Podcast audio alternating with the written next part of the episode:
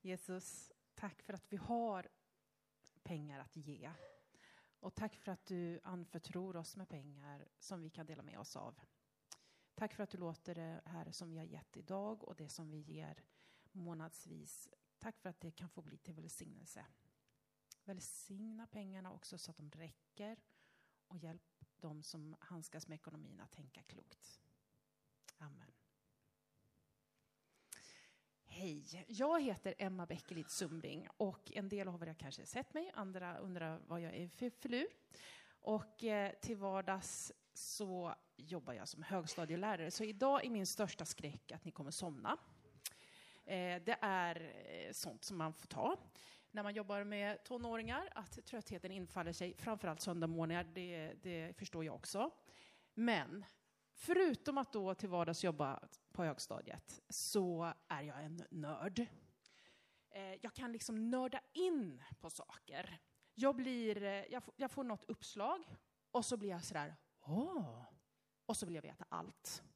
Eh, och de som blir allra mest utsatta för det här, det är inte mina elever utan det är min familj. Så det ledde till att jag ja, häromåret kläckte ur mig vid middagen, jag vill bli begravd judiskt var på min familj stirrar på mig och undrar vad har hon nu fått i sig? Har hon tappat det? Började prata om begravningar en torsdag. Men då hade jag lyssnat på en podd. En eh, bekant som är ansvarig för den judiska begravningsförmedlingen. Och den är jätte, jättespännande.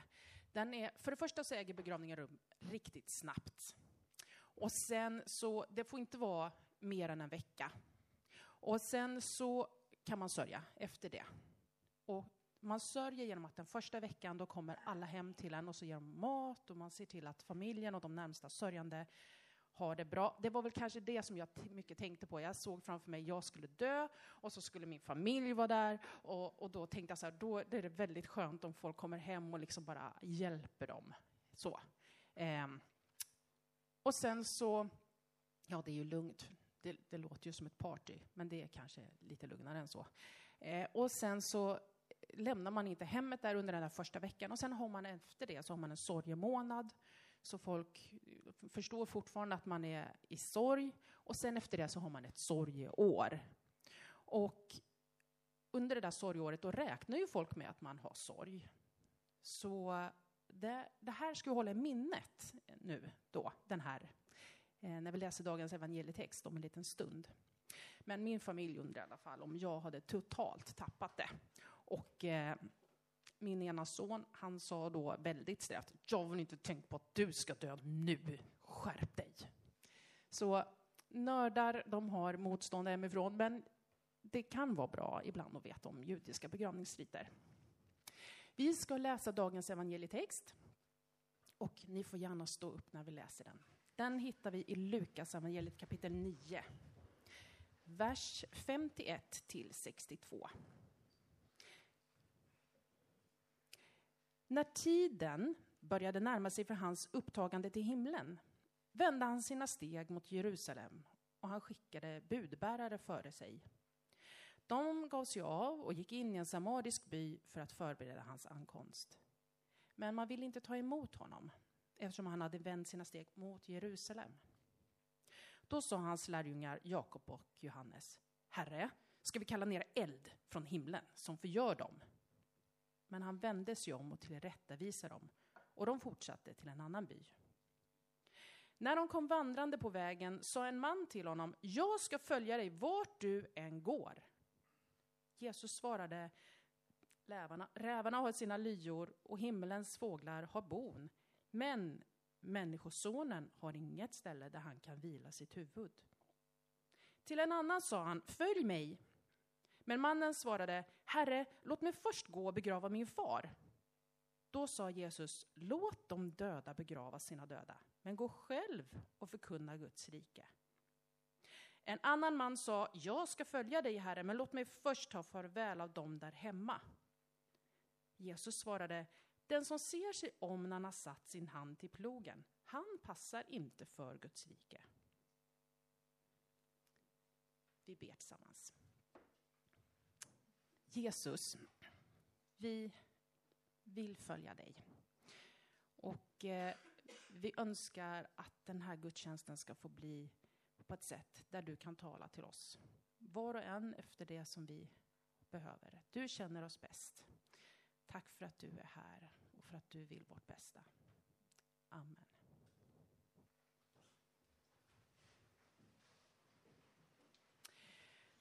Dagens ämne är efterföljelse och vi har fått höra det ganska många gånger kanske om man är lite äldre.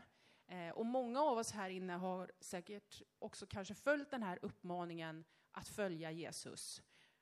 Och finns det då någonting som är viktigt? Vi kanske redan har hört allt. Jag vet att här inne finns det många som är kloka och har levt ett långt liv tillsammans med Jesus. Och finns det verkligen någonting jag skulle kunna säga? Jag vet inte. Men om man inte har tagit något beslut att följa Jesus än, då kanske det också finns någonting. Och det som är så härligt med Bibeln, det är att det finns liksom alltid något nytt.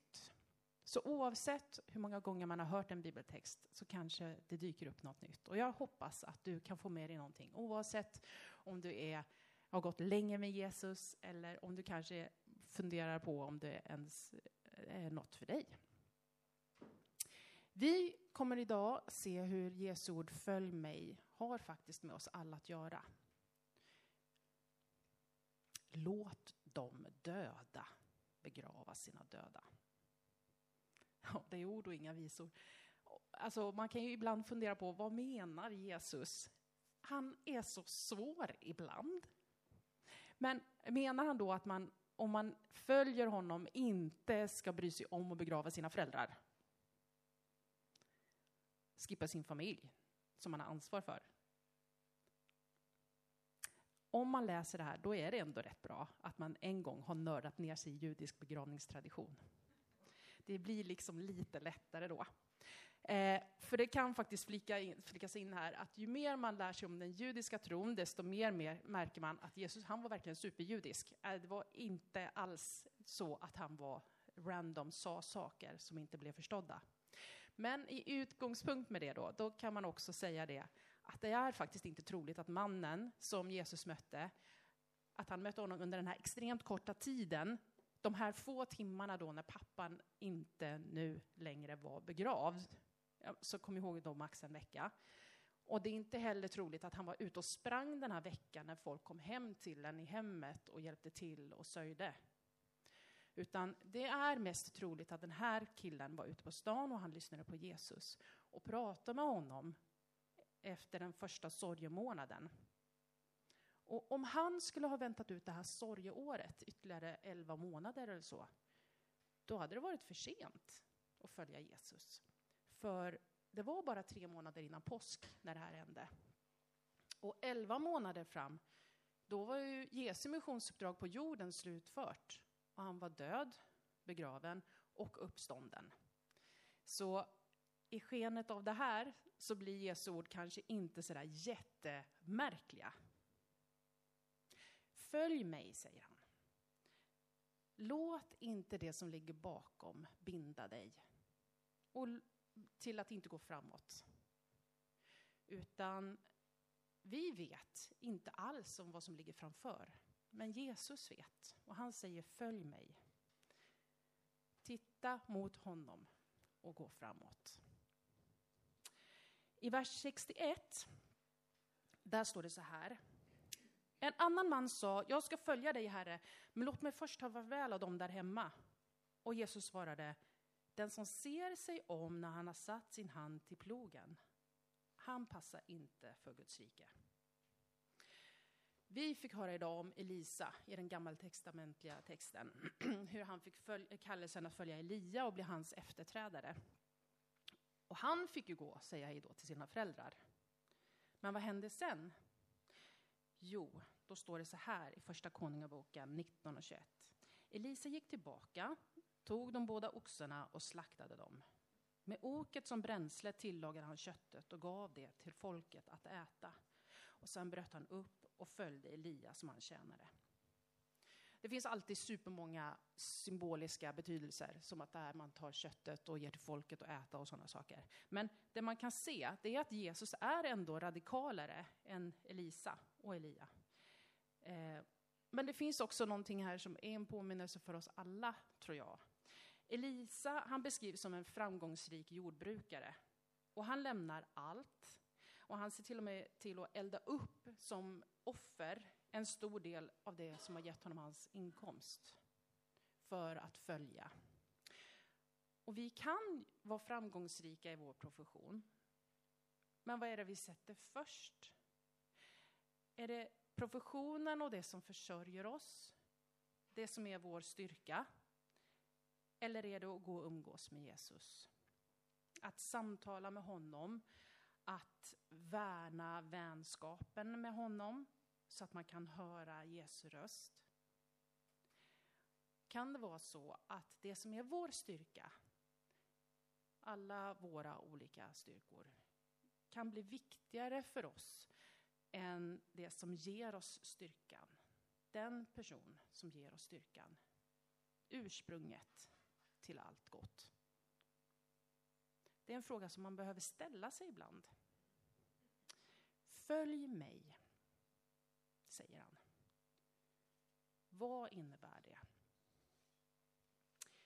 Eller kan det vara så att den sorg som du har, kanske för sånt som har blivit uttalat eller gjort mot dig, eller oron för de här påtagliga klimatförändringarna som vi ser och som verkar helt totalt omöjligt att rå på. Eller att livet inte blev som du hade tänkt.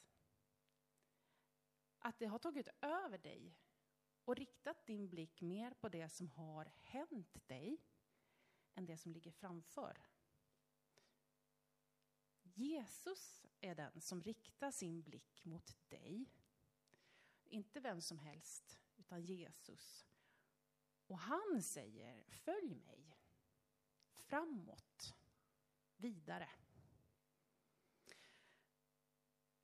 Låt de döda begrava sina döda. För vi, vi tillhör ett annat rike. Guds rike. Vi tillhör det rike som vill helande för kroppar och för själar. Ett rike som vill helande för jord, träd, klimatsystem. Ett rike som vill helande i relationer mellan människor, mellan människan och naturen. Kanske till och med helande i relationen till dig själv. Men det börjar med följ mig. Att få leva i det här riket, det är liksom själva poängen. För det var därför Jesus ville samla lärjungarna vid det här tillfället. För att de skulle gå ut och de skulle berätta om det här underbara riket. Och det riket, det finns tillgängligt för oss alla. Livet för människan, det är i sig, precis som episteltexten tar fasta på, den här kluriga som vi fick höra förut. Och Paulus han skriver i första Korintierbrevet ett brev till de kristna i Korint. Och de, de lever i ett samhälle som inte alls är sådär jätteolikt vårt. Man kanske kan se att det är andra slags kläder, men eh, många vill ju göra gällande att det samhälle de första kristna mötte i romarriket, det var väldigt olikt vårt. Men jag vill påstå att när man ser det man kan läsa i de här breven och det de diskuterar och när man ser vad arkeologer och historiker skissar upp, det är ett samhälle som är väldigt likt vårt, både i värderingar och hur man levde och så vidare. Och det gör att det på många sätt blir lätt att förstå Bibeln, samtidigt också som det blir väldigt begripligt att Paulus och hans vänner, Jesu vänner, får så fruktansvärt mycket stryk och ses som samhällsomstörtare. Och när en av våra pojkar var liten så sa han en gång så här, Mamma, jag vill inte höra om apostlarna för de får bara massor av stryk. Och det ligger lite i det. I Korint då, där eh, det här brevet skrivs till, eh, där var kulten kring guden Poseidon otroligt stark. Och det hölls gigantiska idrottstävlingar. Eh, det fanns en tävling som var större och det var de olympiska spelen. Och allting då i det här spelet, det, det, var liksom det var klassiska sporter då som löpning och boxning och brottning och sånt. Det var, det var, det var någonstans det som man satte som det viktigaste. Och i det här samhället då som klassade fysisk excellens, kroppens skönhet och att vara en vinnare och att vara stark. Där förklarar Paulus också, för de förstår, de vet vad som krävs för att vara det. I vers 25. Men var och en som tävlar, kämpar, utövar självkontroll i allt. Och idrottarna gör ju allt det här för att vinna en segerkrans som snart vissnar. Men vi, vi kämpar för att vinna en som aldrig vissnar. Och jag själv, Paulus alltså, springer därför inte planlöst, utan jag har ett tydligt mål i sikte. Jag boxas inte likt den som slår i tomma luften, men istället är jag hård mot min kropp och tvingar den till lydnad, för att jag, efter att ha predikat för andra, inte själv på något sätt ska bli diskvalificerad. Vi, vi kan liksom inte bortse från att ett liv i efterföljelse till Jesus leder till en konsekvens att man får välja bort saker ibland. Och det tycker vi inte om, och det tyckte man inte om i Korint heller. För att de var ju som vi. Man gillar inte att välja bort saker.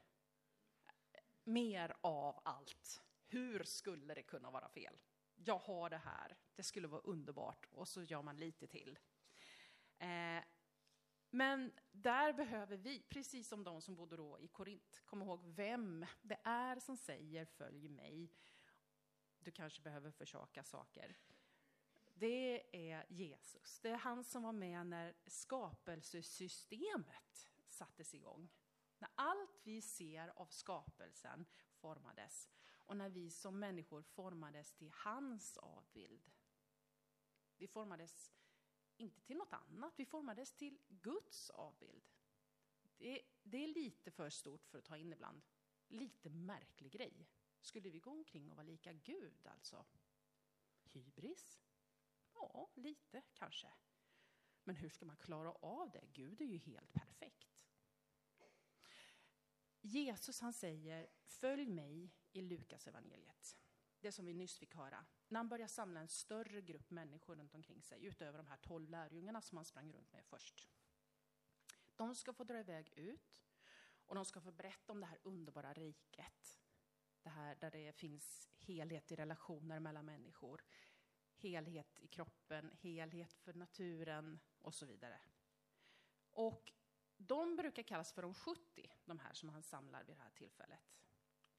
Och att leva i Jesu ord, följ mig, det kan man inte göra ensam. Det går inte. Man behöver fler. Och det är därför vi träffas nu idag på söndagar och även andra dagar. Jag behöver en församlingsgemenskap.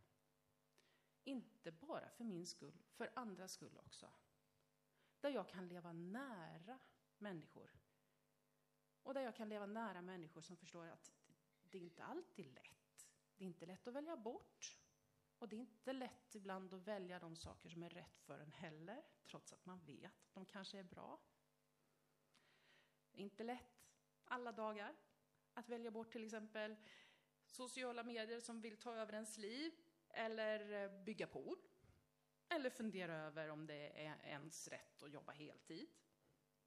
Det är inte lätt att fundera på hur är jag som vän i relationer egentligen? Hur är jag som förälder? Ja, den här listan över våra individuella ställningstaganden, den kan göras väldigt lång och den är inte alls lätt. Den kan vara ganska svår ibland. I allt detta nu så kanske du sitter här och undrar, var är människans trepunktslista? Vad är det här? Hur kan man leva framgångsrikt, i, eh, framgångsrikt liv i efterföljelse? Och någon annan kanske undrar, hur fyrkantig kan människan vara? Hur fyrkantigt kan man få predika i Lövstakyrkan egentligen? Vi är alla olika och vi tänker olika. Och det är faktiskt poängen. Men det är för dig som önskar trepunktslistan nu då, då kommer den här. 1. Lyssna till Jesus. Lyssna till hans följ mig. Varje dag. Genom att prata med honom. Genom att umgås med honom. Han vill leda dig till sitt rike. Och det är både här och nu, i vår vardag. Och det är också det riket som vi får vänta på att det ska komma i sin fullhet en dag. En underbar dag. Två. Lyssna till Jesus, följ mig. I det vi kan läsa i Bibeln. Han kan vara väldigt obekväm ibland. Men bra. Och sann. Och det leder oss till en sann tillfredsställelse. 3. Lyssna till Jesus, följ mig i relationen med dina syskon i tron. Vi behöver varandra för att vara ett stöd. Vi behöver hjälp av varandra i att följa Jesus när det är knöligt och när Bibelns värderingar går på tvärs mot det som samhället vill tala om för oss är det som är sant. Som avslutning skulle jag vilja läsa den saltarsalm som hör till den här söndagen. Jesus, han höjer inte ribban för att sålla bort de som är dåliga och de som inte duger, de som han vill diskvalificera. När han säger att vi ska vara fullkomliga, liksom Fadern är fullkomlig. Kom ihåg, vi, vi är ju skapade till Guds avbild. Det betyder alltså fullkomlighet. Det är omöjligt, vi vet det. Men Jesus påminner om oss att vi ska vara fullkomliga, liksom Fadern är fullkomlig, för att vi ska inse att vi klarar inte av det. Vi klarar inte av det utan nåd. Utan Jesu nåd och hjälp och stöd. Eh, jag kommer läsa den här salmen ur en bibelöversättning som heter The Message. Nu har ni fått höra tre olika översättningar idag. Det är så att när man läser, eh, när man läser Bibeln, då behöver man olika vinklar. Och grekiska är ett fantastiskt språk. Det, det har väldigt många olika aspekter. Och de flesta av oss kan inte bibelgrekiska, så därför så kan man ta till andra översättningar som ger nya vinklingar. Och den här ger på ett lite mer poetiskt sätt språk åt psalmerna. Gud. Vem blir inbjuden till supé i ditt palats? Hur hamnar vi på gästlistan? Vandra den smala vägen. Gör det rätta. Tala sanning. Såra inte dina vänner. Skyll inte på andra. Ta avstånd från uslingar. Håll ord, även om det kostar på. Skinna ingen. Ta inte mutor. Om du lever så, så hamnar du aldrig på svarta listan. Jag tror att Jesus han är personlig. Han känner dig och han känner oss mer än vad vi själva gör ibland. Och han vill väcka tankar hos dig, tror jag, om sånt som är viktigt för honom vad det gäller dig och mig och våra liv. Och jag vill därför som avslutning be en bön om att vi får bli lyhörda nu med våra inre öron till vad han vill säga oss just nu och hur vi kan rikta vår blick mot honom och följa honom. Jesus, vi vill följa dig. Vi vill leva i ditt rike. Liksom hela poängen. Hjälp oss nu och tala till oss. Berätta för oss vad det är som vi behöver skala bort. Och berätta för oss också vad det är som vi ska rikta mot, blick mot. Tala till oss. Låt oss få se dina ögon och höra ditt följ mig. Tack för att du är här just nu. Och tack för att du vill låta oss få veta hur du vill att vår relation ska få utvecklas.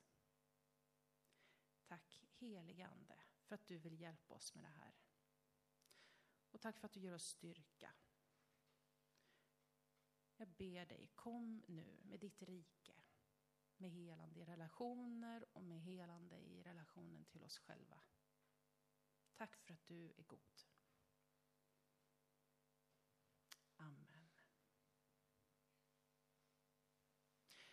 Vi ska fortsätta med en bön och lovsångsstund. Och då kan man tända ett ljus. Och som en påminnelse om vad det där med tända ljus är, det är alltså att jag tar mitt liv, jag tänder upp det mot Kristus, låter hans ljus få tända mig och jag ber en bön om det som är viktigt. Så här framme har vi en ljuständningsplats.